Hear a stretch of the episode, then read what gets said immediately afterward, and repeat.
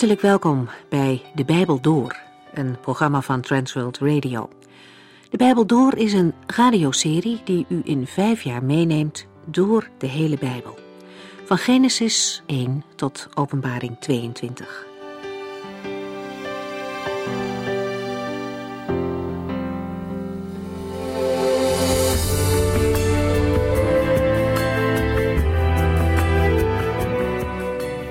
Vandaag lezen we het laatste gedeelte uit het Bijbelboek Habakkuk. In hoofdstuk 3 zien we de profeet vol ontzag over het werk van de Here. We zagen hem eerder worstelen toen het leek alsof God zweeg. En later toen hij niet begreep waarom God handelde zoals hij deed. Habakkuk had vragen, maar Habakkuk wist ook dat de echte antwoorden alleen bij de Here te vinden zijn. En daarom wachtte hij op God. De boodschap die hij te horen krijgt, brengt Habakkuk opnieuw op de knieën. Hij is diep bewogen als hij hoort wat de Heere zal doen. Habakkuk komt niet meer met vragen, maar heeft rust gevonden. Hij is vol eerbied en vol ontzag voor zijn God. Aan het slot van hoofdstuk 2 heeft de profeet de hele aarde opgeroepen om te zwijgen voor de majesteit en de heiligheid van God. Zelf heeft Habakkuk ook leren zwijgen. Hij is met ontzag vervuld voor wat de Heere gaat doen. De omstandigheden zijn en worden misschien nog slechter dan hij in de gaten had, maar hij heeft zicht gekregen op Gods handelen. Habakkuk heeft een diep geworteld vertrouwen dat God bezig is en heel het aardse gebeuren vast in handen houdt. Dat geeft een innerlijke vrede, los van de omstandigheden. Het mag ons ook leren dat God bezig is op de momenten dat wij het niet zien. Habakkuk heeft geleerd dat de Heere zo heel anders is dan wij mensen vaak denken. Een God van liefde, maar ook een heilig God voor wie de zonde en het onrecht niet kan bestaan. Met vrijmoedigheid vraagt Habakkuk aan de Heere, laat uw daden herleven in deze tijd. Maak uw kracht openbaar, al bent u toornig geworden, vergeet niet medelijden te hebben. In wezen vraagt Habakkuk aan de Heere God, Heere, zorg voor uw eigen werk. En dat doet God natuurlijk ook.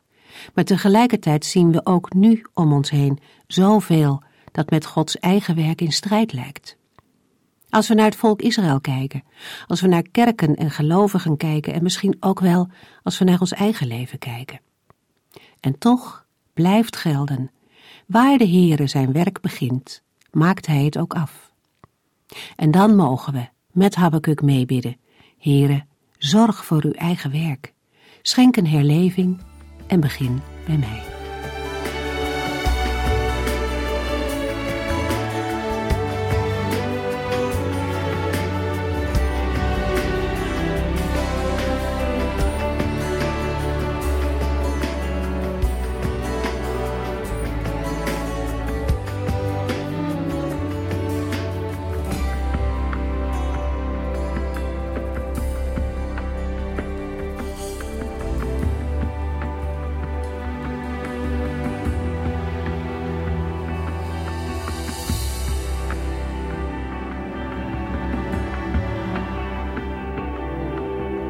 In de vorige uitzending hebben we gelezen over de verschijning van de Heere zelf.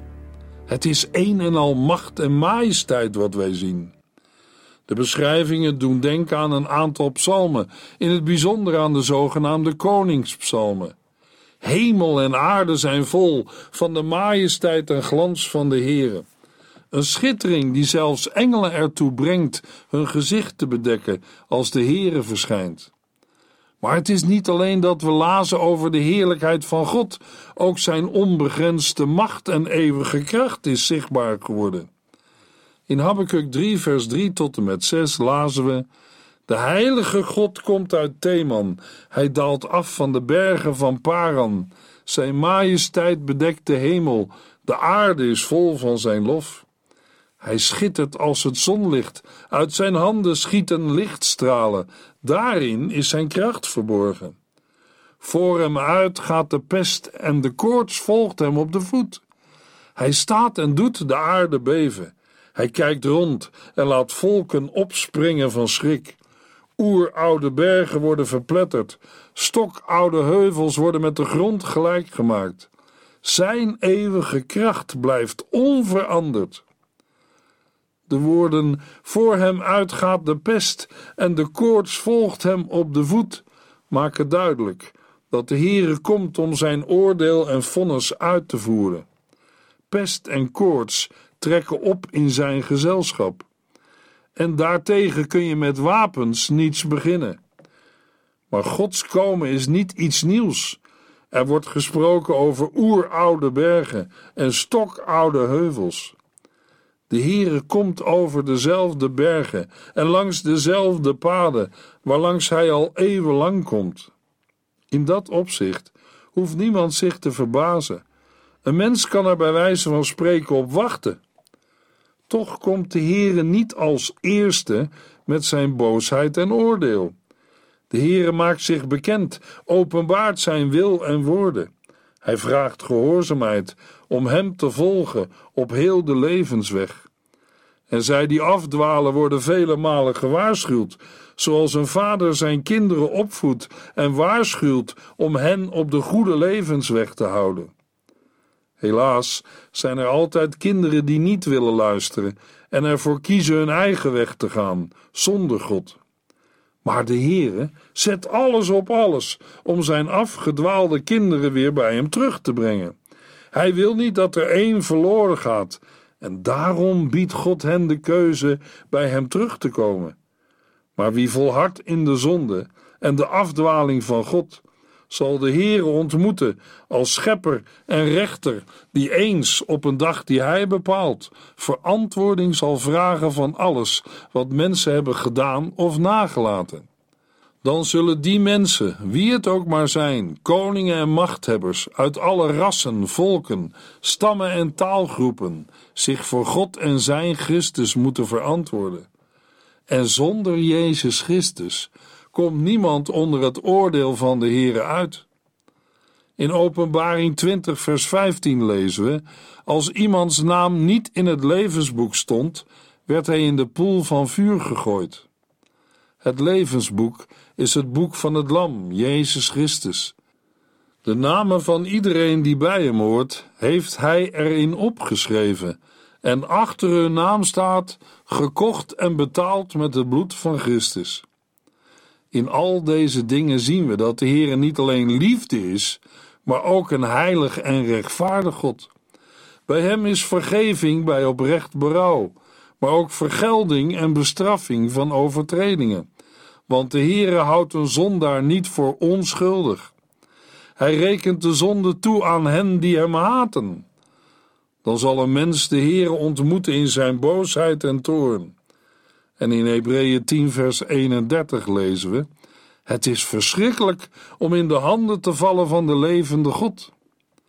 Habakkuk schrijft aan het slot van vers 6: Zijn eeuwige kracht blijft onveranderd. Habakkuk 3 vers 7 Ik zie dat de inwoners van Kusan en Midjan in doodsangst verkeren. Vers 7 werkt de gevolgen van Gods toorn voor de mensen nog verder uit. Midjan of Midian is bekend als een Arabische stam, die onder andere op het Sinaï-schiereiland leven. Kusan of Ethiopië zullen we in dezelfde omgeving moeten zoeken. Mogelijk is het dezelfde volkstam als waaruit de vrouw van Mozes kwam. Bijbeluitleggers verschillen over dit punt van mening. Habakkuk geeft met de woorden uit vers 7 de eerste reactie aan van de volken die de Heere vanaf de Sinaï zien verschijnen. De Heere komt van de Sinaï en de nomade volken van het Sinaï-schiereiland zijn daarvan de eerste getuigen. Hun reactie is voor Habakkuk duidelijk. De profeet zegt: Ik zie dat de inwoners van Kusan en Midjan in doodsangst verkeren. Het beven van de aarde verraadt het komen van de Heere. En ook voor ons is het duidelijk dat de mens bij een aardbeving doodsangst uitstaat. De versen 8 tot en met 12 laten vervolgens iets zien van de boosheid die de Heere openbaart bij zijn ingrijpen. Habakkuk 3 vers 8 Was u toornig, Heere, op de rivier en op het water van de zee, dat u op de wolken als op paarden komt aanstormen, staande op uw zegenkar? De beschrijving van de uitwerking van het verschijnen van de Here wordt in vers 8 tot en met 12 voortgezet. In de eerste plaats ten opzichte van de natuur. In het tweede deel van vers 8 beschrijft Habakkuk de Heere rijdend op een aanstormende zegenkar met paarden. Daarmee wordt God voorgesteld als overwinnaar, als een legeraanvoerder, die na een glansrijke overwinning op zijn vijanden aankomt rijden op zijn zegenkar. De profeet Habakkuk wil duidelijk maken dat als de Heere verschijnt, alles in beweging is, namelijk rivieren, de zee en de wolken. Habakkuk 3 vers 9 U spant uw boog en op uw bevel schieten de pijlen weg. U splijt de aarde en rivieren ontspringen. Het beeld van de overwinnaar gaat verder. De eerste woorden van vers 9 maken duidelijk dat de Heere zich klaarmaakt voor de strijd. Over het splijten van de aarde en rivieren die ontspringen, hebben we in de vorige uitzending al verwezen naar de zondvloed. Ook toen kwam de Heere met zijn oordeel over de zonde van de mensen van die tijd. De hele schepping is in beweging. Bergen buigen zich voor de Heere. De zee buldert vanwege de stormen van zijn toorn. De aarde wankelt en de volken sidderen. Er is nergens meer een veilige plaats om te schuilen tegen de toorn van de Heere. Luisteraar, de enige schuilplaats die ik weet en ken is de Heer Jezus Christus. Hij is mijn rots en mijn bevrijder. Dat is ook het getuigenis van David in Psalm 62, vers 1 en 2. Ja, mijn hart keert zich naar God, mijn redding komt uit Zijn hand. Hij is werkelijk mijn rots en mijn bevrijder. Hij is als een burcht voor mij, niets krijgt mij uit mijn evenwicht. We vinden in de psalmen regelmatig woorden die spreken over de Heer als schuilplaats. De meest bekende vinden we in Psalm 91, vers 1 en 2. Wie schuilt bij God, de Allerhoogste, kan rustig slapen, want de Almachtige beschermt hem. Ik getuig daarvan en zeg tegen de Heere: U bent mijn toevlucht, bij U ben ik veilig en geborgen. U bent mijn God en ik vertrouw alleen op U. Na de woorden: U spant uw boog en op uw bevel schieten de pijlen weg lezen we in de Hebreeuwse tekst het woord Sela. Het is een aanwijzing voor de muziek. Waarschijnlijk om aan te geven dat het voorafgaande sterke nadruk moet hebben. De Heere komt en maakt zich gereed voor de strijd. Het woordje Sela moet de lezer en hoorder wakker maken en doen luisteren naar wat God heeft te zeggen. Habakkuk 3 vers 10 De bergen zien u en beven Stromen water trekken voorbij. De watervloed roept tot u en de golven rijzen huizen hoog. De woorden drukken uit dat het komen van de Here tot de strijd de bergen doet schudden op hun grondvesten. Daarnaast noemt Habakkuk, ook als aanvulling op vers 8, vanuit de hemel komt een enorme stortregen naar beneden, en vanuit de diepte van de oceaan komen huizenhoge golven op, als een watervloed, een tsunami die de aarde overspoelen. Habakkuk 3 vers 11 De zon en de maan trekken zich terug bij het licht van uw pijlen, bij de bliksemende schittering van uw speer. In de vorige uitzending gaven we al aan dat deze woorden doen denken aan Jozua 10. Zijn naam wordt in vers 11 niet genoemd, omdat de nadruk ligt op de roemruchte daden van de Heere God. Als de grote dag van de Heere eraan komt, in het dal van het oordeel, zo schrijft de profeet Joël in Joël 3 vers 14 en 15, dan zullen de zon en de maan worden verduisterd en zullen de sterren verbleken. En in de dan ontstane duisternis zijn de brandende pijlen van de Heere en de bliksemende schittering van zijn spier nog angstiger. Ook de pijlen en de speer horen bij het beeld van de overwinnaar, die komt aanstormen op zijn zegenkar. Habakkuk 3, vers 12. Vol toorn schrijdt u over de aarde en vertrapt de volken in boosheid. In de versen 12 tot en met 15 komt het doel van de verschijning van de Here naar voren, namelijk Gods gericht over de volken. In het bijzonder over de Galdeën tot redding van het volk Israël. We horen Habakkuk in Habakkuk 1 vers 13 nog vragen Waarom doet u niets wanneer die goddeloze volken ons vernietigen? Nu mag Habakkuk horen en zien dat het niet waar is dat de Heer niets doet. Ook vandaag zijn er veel mensen die dezelfde gedachte hebben. Zij stellen de vraag: als God almachtig is, waarom doet Hij dan niets aan alle ellende in de wereld? Maar wij mensen kunnen God niet beschuldigen dat Hij niets doet en gedaan heeft aan de ellende van deze wereld. Dan moet u en jij maar eens goed naar het kruis van Golgotha kijken. God gaf zijn zoon voor uw, jou en mijn ellende. Kortom, God heeft er alles aan gedaan. Maar hij heeft ons mensen niet geschapen als robots die uit de hemel worden bestuurd. Wij mensen zijn zelf verantwoordelijk voor de keuzes die we maken. En daarbij wil iemand beweren dat God de schuld is van de ellende in onze wereld. Wie heeft er niet naar God geluisterd en is ongehoorzaam, op eigen initiatief, de verkeerde weg ingeslagen? Wij mensen. Toen de Heere de aarde en de hemel maakte, lezen we na iedere scheppingsdag: God zag dat het goed was. En in Genesis 1, vers 31 lezen we: Toen overzag God alles wat hij gemaakt had, en het was heel goed. Het werd avond en het werd weer morgen, de zesde dag. De Heere was zeer tevreden over zijn werk, en dat was inclusief de schepping van man en vrouw. Als we Gods schepping vergelijken met een prachtig bouwwerk waar een architect al zijn creativiteit en kunnen in heeft gelegd, dan kan zo'n bouwwerk je imponeren. Je gaat er naartoe om de schoonheid te bewonderen en om te ontdekken hoe kunstig en geniaal het is ontworpen en gemaakt. Na een tijdje kom je terug en zie je dat het prachtige gebouw in puin ligt. Het bouwwerk is gebombardeerd. Is er dan iemand van ons die in die situatie zal zeggen: Wat heeft de architect er toch een puinhoop van gemaakt? Natuurlijk niet.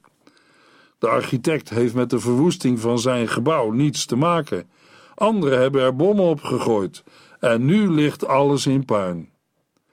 In het voorbeeld is de Heere God de architect en schepper van het gebouw de hemel met de engelen en de aarde met de mensen, dieren en alles wat daar verder bij hoort.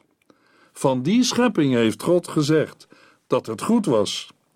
De ongehoorzaamheid en zondeval van Adam en Eva zijn in wezen de bommen die op Gods schepping zijn gevallen, en nu ligt alles in puin. Er is niemand meer die goed doet, niemand die God zoekt, alles is in zonde gevallen.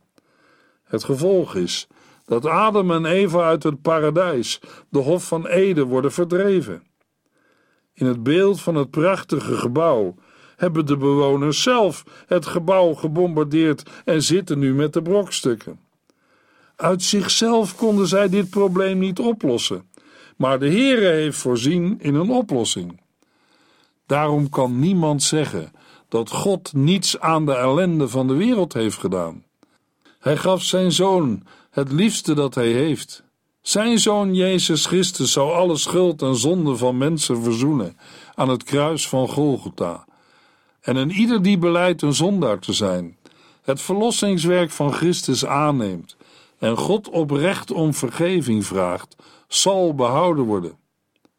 Iemand kan nog zeggen: Ik kan er niets aan doen dat Adam en Eva de mooie schepping van God kapot hebben gemaakt. Het is juist dat wij Adam en Eva niet zijn.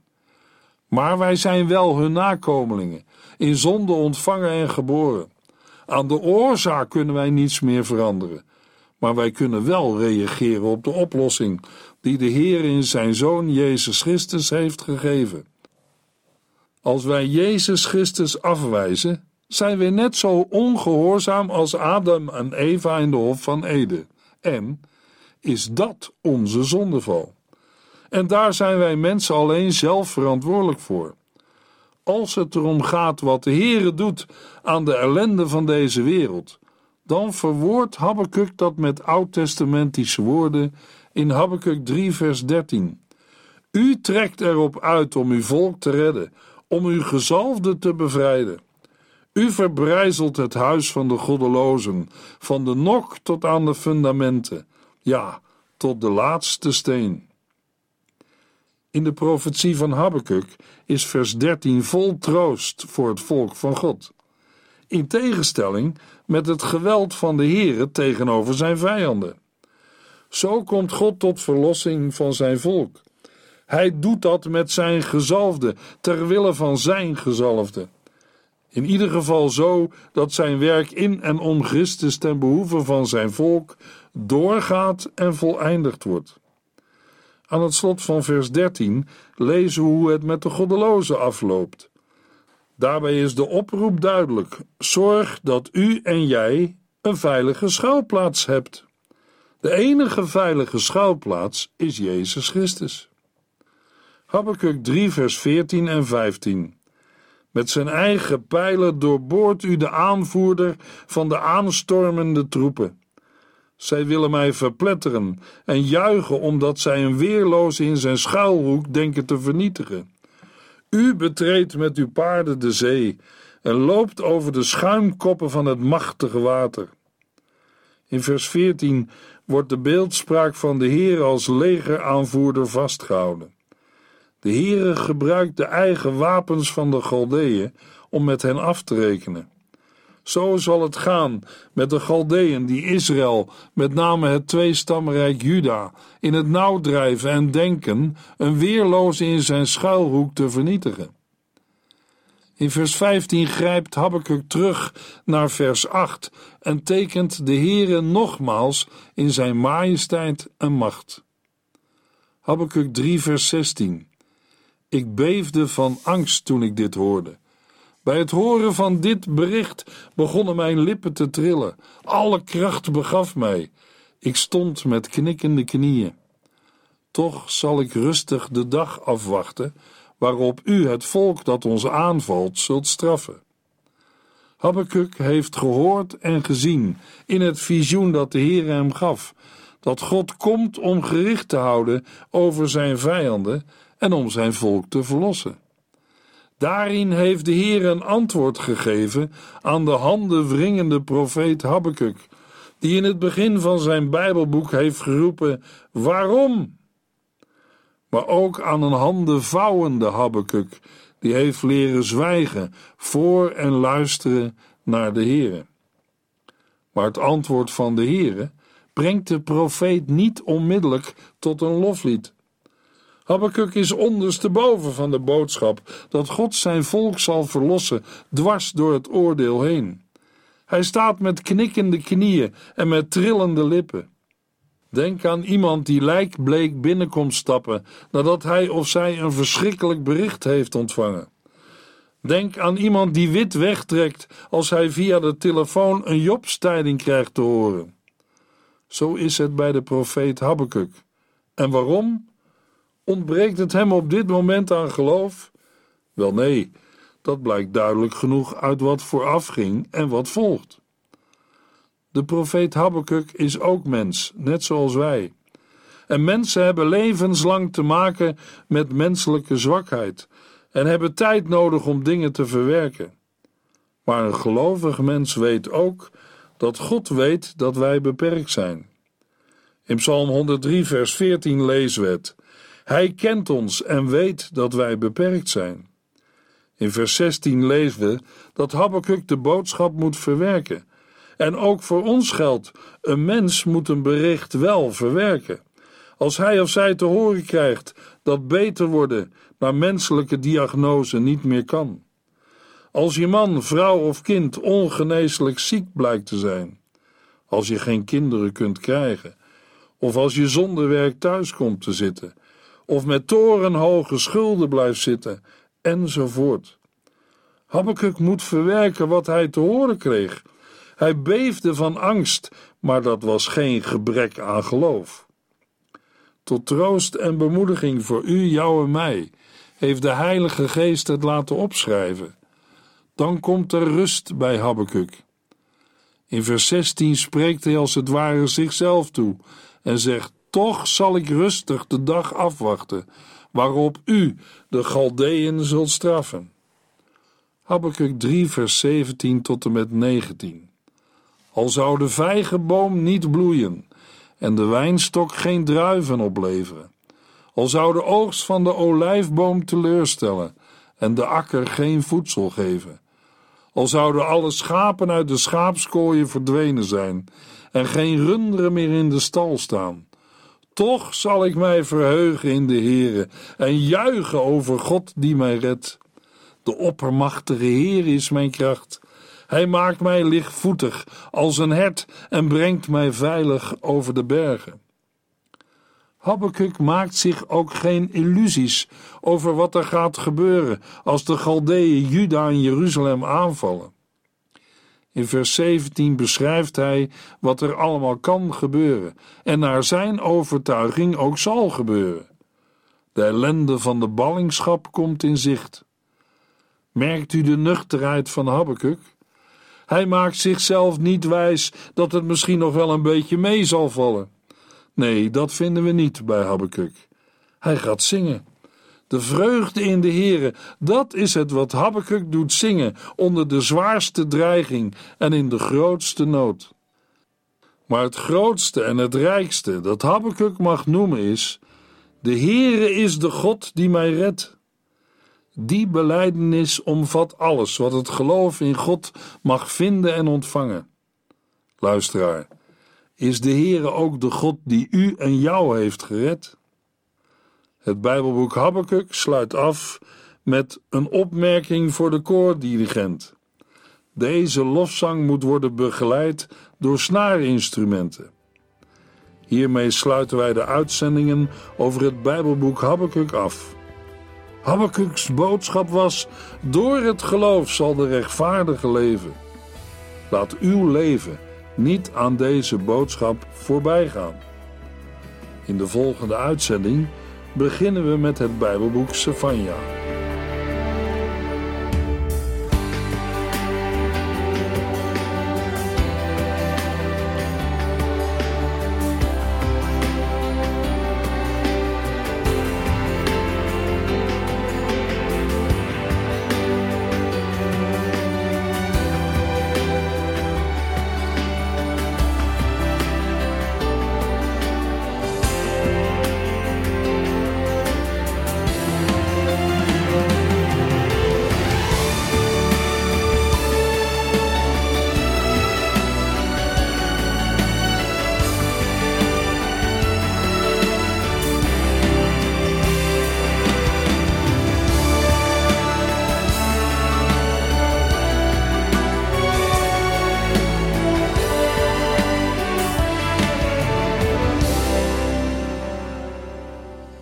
Geluisterd naar De Bijbel Door. In het Nederlands vertaald en bewerkt door Transworld Radio. Een programma waarin we in vijf jaar tijd de hele Bijbel doorgaan. Als u wilt reageren op deze uitzending of u heeft vragen, dan kunt u contact met ons opnemen. Tijdens kantooruren kunt u bellen op 0342 47 8432. 0342 47 8432. 32. Ook kunt u een e-mail sturen naar de Bijbel door transworldradio.nl en natuurlijk kunt u ook via de post ons bereiken. TWR, postbus 371, postcode 3770, AJ in Barneveld. Dit programma werd gepresenteerd door Corweda en Ike André. Techniek was in handen van Odin van Woerdenkom. En namens ons allemaal bedanken we u van harte voor het luisteren.